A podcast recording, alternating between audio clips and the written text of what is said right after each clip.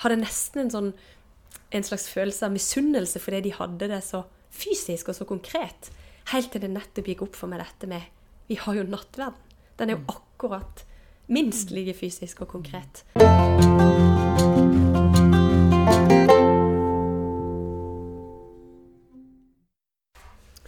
Hjertelig velkommen til Søndagspodden. Søndagens tekst på en fredag. Og i dag er dessverre Andreas sjuk, så han måtte være hjemme. Men jeg, Gyre Cecilie Nygaard, har fått med meg to fine prester. Vi har ikke barn i barnehagen, noen av oss. Så vi slipper å være så mye syke som Andreas. Nei, stemmer det. Kjersti Gautstad Nord er med her. Og Og William Grøsso sitter her. Veldig bra å ha dere med. Jeg har hørt at eh, når man har barn i barnehagen første året, det er vel det for Andreas nå, så har barnet feber hvert tredje uke i snitt. ja, det tror jeg faktisk, eh, det tror jeg faktisk på. Det stemmer. Og mm. det betyr at noen har jo oftere enn det.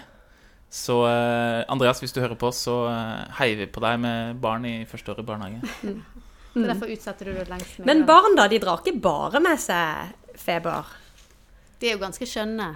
Ja. Veldig, veldig. De er det. Jeg synes Noe av det morsomste Altså, jeg har én ting som er veldig dårlig samvittighet på overfor mine unger. og Det er at jeg har en svigermor som da har sirlig notert ned alt det de sa, og all, når de mister alle tenner og alle barnesykdommer og sånn. Det sine har- barn eller barnebarn òg? Nei, på sine egne barn. Eh, Men det har jo da jeg ikke klart å leve opp til i det hele tatt. Så vi har en sånn fillete notisbok som ligger i en eh, skuff. Der står noen av gullkornene, da. Oh, det var sånn som mora til Emil drev Gjorde det? jeg. Jeg tror hun skrev sånne sikkert ugagns... uh, altså Men hva er det- da. Hva er det beste fra Kjersti fra denne boka di, filterboka di? Eh, Nei, vi har jo noen morsomme på um, uh, Eirik var jo ganske em, glad i bibelfortellinger. Så han hadde f.eks. noen sånne Jeg husker at han skulle be kveldsbønn en gang, og da sa han Takk Gud for Josef fra Arimathea. Amen. Ja. ja. Og det var morsomt. Og Selma, en gang, Selma har alltid vært veldig glad i kjøtt. Eh, og eh, vi var i USA og skulle på Disney World og skulle stoppe på en sånn Dennis, som egentlig sånn halvugubert rykte på sånn eh, burgersteder i USA. Og der kommer vi inn, setter oss ned, bestiller burgere. Og burgere i USA er jo selvfølgelig store som alt annet. Og så sitter vi der og venter, kjempesultne. Og så mens eh, vi sitter der, så begynner bordet ved siden av, som var tydeligvis en sånn stor, sammensatt familie. Og da begynner, tar de hverandre i hendene, og så begynner de å synge firstemt bordvers. Nei, Ja. så? Og akkurat idet de synger, så bærer servitøren inn da den største burgeren foran Selma. Og Selma blir helt stille og sier bare 'Dette er nesten som i himmelen'. Men det Så Fint. Fine greier. Ja. Nei, eh, jeg skriver ikke opp eh, så mye. Men det, det er kanskje et godt råd, for det, man, eh, man det glemmer det. Jeg har jo noen sånne fortellinger som blir fortalt om meg om igjen og om igjen. Jeg har en bestemor da, som vil ikke høre på dette, men som er eh, blitt så voksen at hun gjerne forteller den samme fortellingen om meg hver gang. da. Og sånn blir det sikkert med våre barn også. Jeg var hjemme i, eh, i høst, og så hadde jeg eh, Vi var eh, altså hjemme i Oslo, og så hadde vi mine nieser og nevøer eh, der rundt frokostbordet klokka ni. Og så spurte de hvorfor er ikke tante Maria Hvorfor er ikke tante Maria her nå ved frokosten. Altså? så, sa jeg nei, Lavrans var så mye våken i natt, så, så hun har vært oppe med han. Så så Ruth Martine på meg, syvåringen, da. Hvorfor kunne ikke du være oppe i stedet? Og der fikk du den! Ja, der fikk jeg den, og alle rundt bordet skjønte det at eh, ok, det er kanskje oftere Maria som er våken enn en onkel William. Og det. Ja, sånn er det. Sånn er det. Men Barn og fulle folk eh, får du høre sannheten osv. Men vi skal lese teksten, og da skal du få lese den, Kjersti. Ja? Ja. Vi leser fra Matteusevangeliet, kapittel 21. Da han dro inn i Jerusalem, ble det uro i hele byen. Og de spurte, 'Hvem er dette?' Og mengden svarte, 'Det er profeten Jesus fra Nasaret i Galilea'. Jesus gikk så inn på tempelplassen og jaget ut alle dem som solgte og kjøpte der. Han veltet pengevekslernes bord og duehandlernes benker, og sa til dem, det står skrevet, mitt hus skal kalles et bønnens hus, men dere gjør det til en røverhule. På tempelplassen kom noen blinde og lamme til ham, og han helbredet dem. Men da overpresten og de skriftlærde så undrene hans han gjorde, og hørte barna som ropte i helligdommen, Hosianna, Davids sønn, ble de forarget og spurte ham, Hører du hva de sier? Ja, svarte Jesus. Har dere aldri lest, fra småbarns og spedbarns munn har du latt lovsang lyde? Så forlot han dem og gikk ut av byen, til Betania. Der ble han natten over. Takk. Eh, vi møter Jesus, det er litt sånn uro, står det i begynnelsen. Men hva er det, hva er det han er sint uh, for? Eller hva er det han er imot? Det virker jo som han er imot uh, disse som uh, selger og kjøper inne i tempelet. Ja, det er jo et litt annerledes Jesusbilde. Det er ikke så ofte vi hører at han blir sint. Vi hører at han blir sint når han skal, disiplene vil vise bort de små barna. Men her blir han jo så sint at han tydeligvis går til aksjon. Hva tenker du, William? Nei, jeg eh, Svigermoren min hun fikk høre det på bedehuset når de hadde kiosk på ungdomsklubben. Fordi du skulle ikke drive med kjøp og salg i, eh, i Guds hellige tempel. Så det, jeg tror nok um, Vi hadde basar her. Dere hadde basar her på lørdag. Så, Ja. Nei, så det er, det er jo faktisk et veldig godt spørsmål, fordi uh, Jesus mente jo virkelig ikke at ikke vi får lov å ha basar og selge og kjøpe i kirken. Altså vi Ja, for jeg leste faktisk i en barnebibel det sto uh, litt omskrevet at Jesus ble litt sint, men dette var ikke ulovlig å gjøre, sto det. liksom Nei. det, forklart. Men jeg, jeg husker ikke helt hva det sto etterpå. på en måte, hva... Nei. Jeg, Han siterer jo her to profeter i slengen. Det er vel både Jesaja og Jeremia. Og en side av Jesus som ofte vi liksom em, Som er veldig tydelig i evangeliene, særlig Matteusevangeliet, men som vi ofte liksom overser, det er at han tar rollen som dommedagsprofet. Du har Jeremia som kommer til tempelet i, eh, i eh, Jerusalem, og så holder han denne tempeltalen, eh, hvor han eh, kaller det for en røverhule. Og han, liksom, han, han sier at dette her er eh, Dere tror at bare fordi dere står her og påkaller Guds navn, så vil han frelse dere, men dere glemmer alt det som er viktig. Rettferdighet, omsorg for den fattige, eh, for de farløse. Og det er barmhjertighet jeg vil ha, eh, ikke offer, sier jo profetene. Og han da, Jeremia da jo profeterer jo en dom over tempelet som faller når babylonerne kommer. Og Jesus på samme måte tar denne liksom rollen som dommedagsprofet, så å si, som sier at dette her, dette kan ikke bestå. Det skal oppstå noe nytt, noe som er bedre. Og eh, og det er på en måte en profetisk handling han går inn, som er mye større enn en sånn moralistisk dette Nå var du ikke snill som eh, tok så mye penger for den duen der. Det er en, et slags en profet, Han går inn i tempelet, og så, og så er det en, eh, en slags dom over eh, Over eh, hele den eh, måten å være religiøs på som, som gjør religion til en slags eh, Noe som ikke er direkte inn i mitt liv, men noe jeg har utenfor meg, som jeg gjør på en måte for å gjøre Gud blid, eller for å på en måte å Ehm, og nå er det Guds rike som bryter frem. Og i Guds rike så er tempelet Det er ikke et avgrenset fysisk sted, men tempelet, det er, eh, det er oss, fordi det er Den hellige ånd som bor i oss. Og, ehm, og derfor så er det Det er mer enn bare det er mer enn bare liksom korreksier. Det er, det er en tegnhandling, en profetisk symbolhandling. Jeg tenker jo at denne teksten må leses sammen i forlengelse akkurat av det du sier, William. At han leses sammen med dette. er jo en tekst som er henta fra påska. Det er henta fra mandagen eller tirsdagen i påskeuka. Um, og jeg tenker at han henger veldig sammen med det som skjer idet Jesus dør noen dager seinere. For det tempelet i Jerusalem var jo en veldig sånn sinnrig eh, Hadde en sånn veldig sånn sinnrikt system da, på hvor folk kunne gå. Og det var jo for det første tenkt at det var Guds sted på jorda. Um, og det var veldig konkret i dette stedet, og det var det aller helligste der Gud var. Og så kunne folk, så var det forskjellige foregårder som folk kunne gå inn i. Kvinner og hedninger kunne være ett sted. Jødiske menn kunne gå et hakk lenger inn. Og så var det eh, prestene, og så var det øverstepresten som kunne gå inn en gang i året på den store forsoningsdagen. Og der inne var det et sånn forheng som skilte det aller helligste fra resten, og det var det han da gikk gjennom. Når Jesus her kommer og, og nettopp har en sånn tegnhandling der han viser at det, så handler det jo både om at det, i, i Guds rike kommer seg det alle steder. Det er ikke lenger bare knyttet til ett fysisk sted i verden. Det er, som, det er i oss. Det er vi er Guds tempel, og vi kan finne Gud alle steder. Eh, men samtidig er det også sånn at vi får tilgang til Gud. Når forhenget da revner idet Jesus dør, så får både vi fri tilgang inn, og Gud på en måte får fri tilgang ut av i hele verden, og er alle steder. Så det er jo en enorm sånn tegnhandling som ligger i dette, denne veltinga av borda. Du, du, du får veldig masse ut av teksten. Mer, mye mer enn det jeg hadde fått uttalt. Dette med Med det at vi skal altså, ha mer tilgang, dette med tempelforheng og det. Det er hebreerbrevet som uh, gjør det. Mm. Kjersti fant ikke på.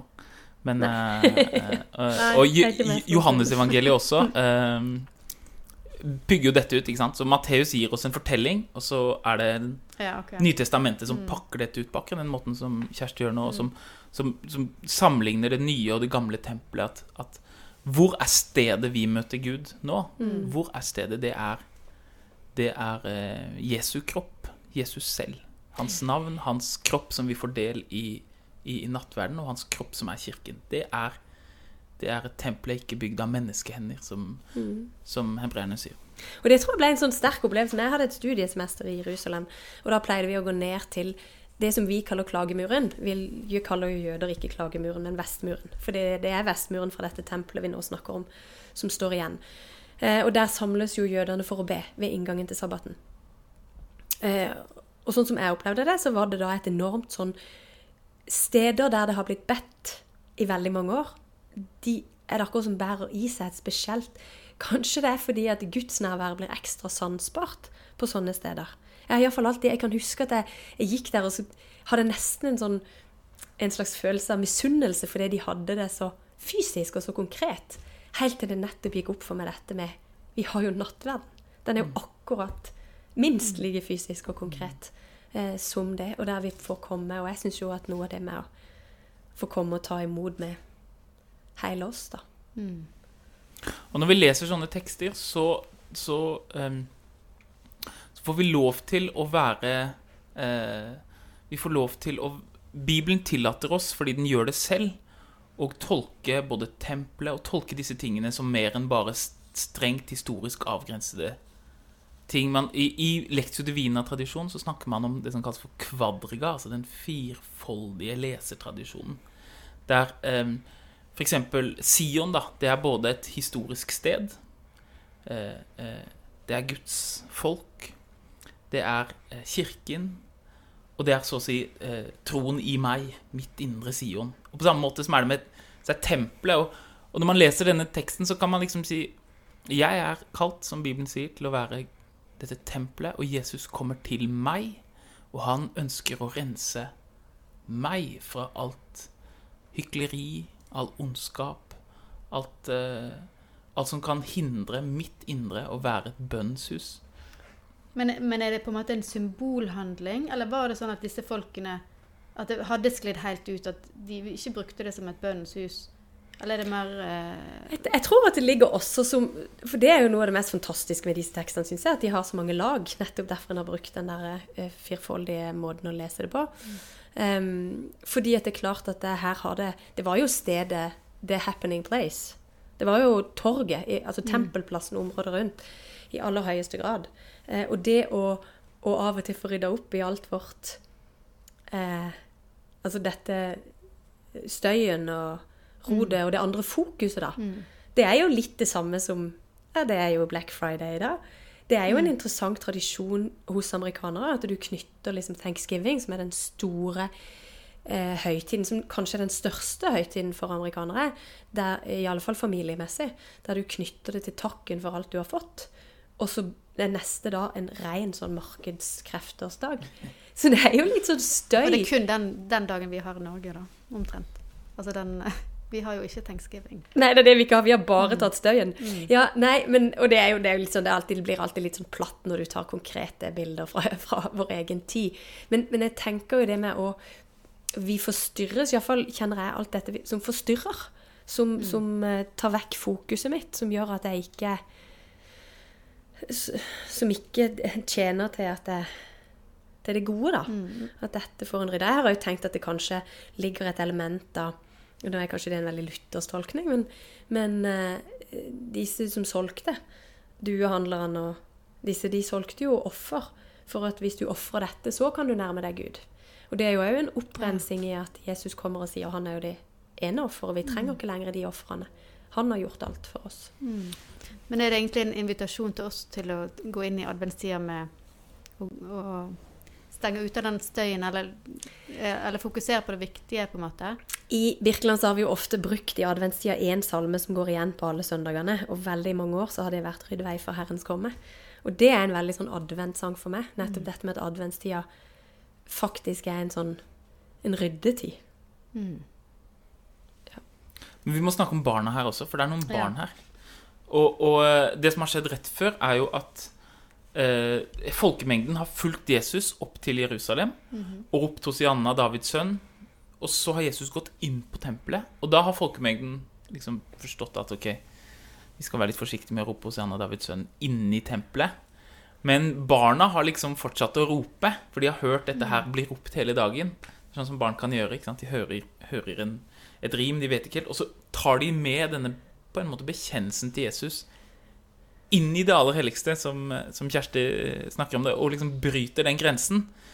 Og, og det som da skal ut, det er liksom de voksnes beregninger og pengevekslinger. Og så det som Jesus kommer inn med, det er liksom denne, disse barna Mm. som, som, eh, som da de skriftlærde og fariseerne eh, ber han om å ta avstand fra. Roper de dette inn i tempelet? Liksom, hører du hva de sier? Og, eh, og Jesus vet at fra barn og fulle han, barn og fulle folk får du sannheten. Og det er det som skjer her, da. Det er barna som, som, som tar det steget som folkemengden ikke klarte å ta, eh, nettopp og helt inne i tempelet. Det blir jo en slags lovsang til Kristus i tempelet. Ja, faktisk, kanskje er det den første tilbedelsen av Kristus på en måte i tempelet. Det er liksom det samme som du kan se i, i Det er noen sånne vakre eh, bibelavsnitt også, f.eks. i, i første kor åtte, der, der eh, Paulus tar dette steget hvor Jesus er.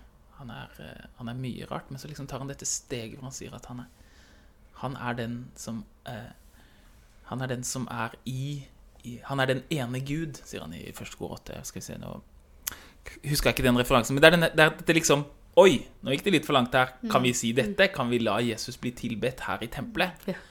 Og det er det som skjer, og det, det er en tegnhandling som Jesus sier. Ja, de gjør det, og de, de gjør rett, selv om ikke de forstår rekkevidden av det de gjør.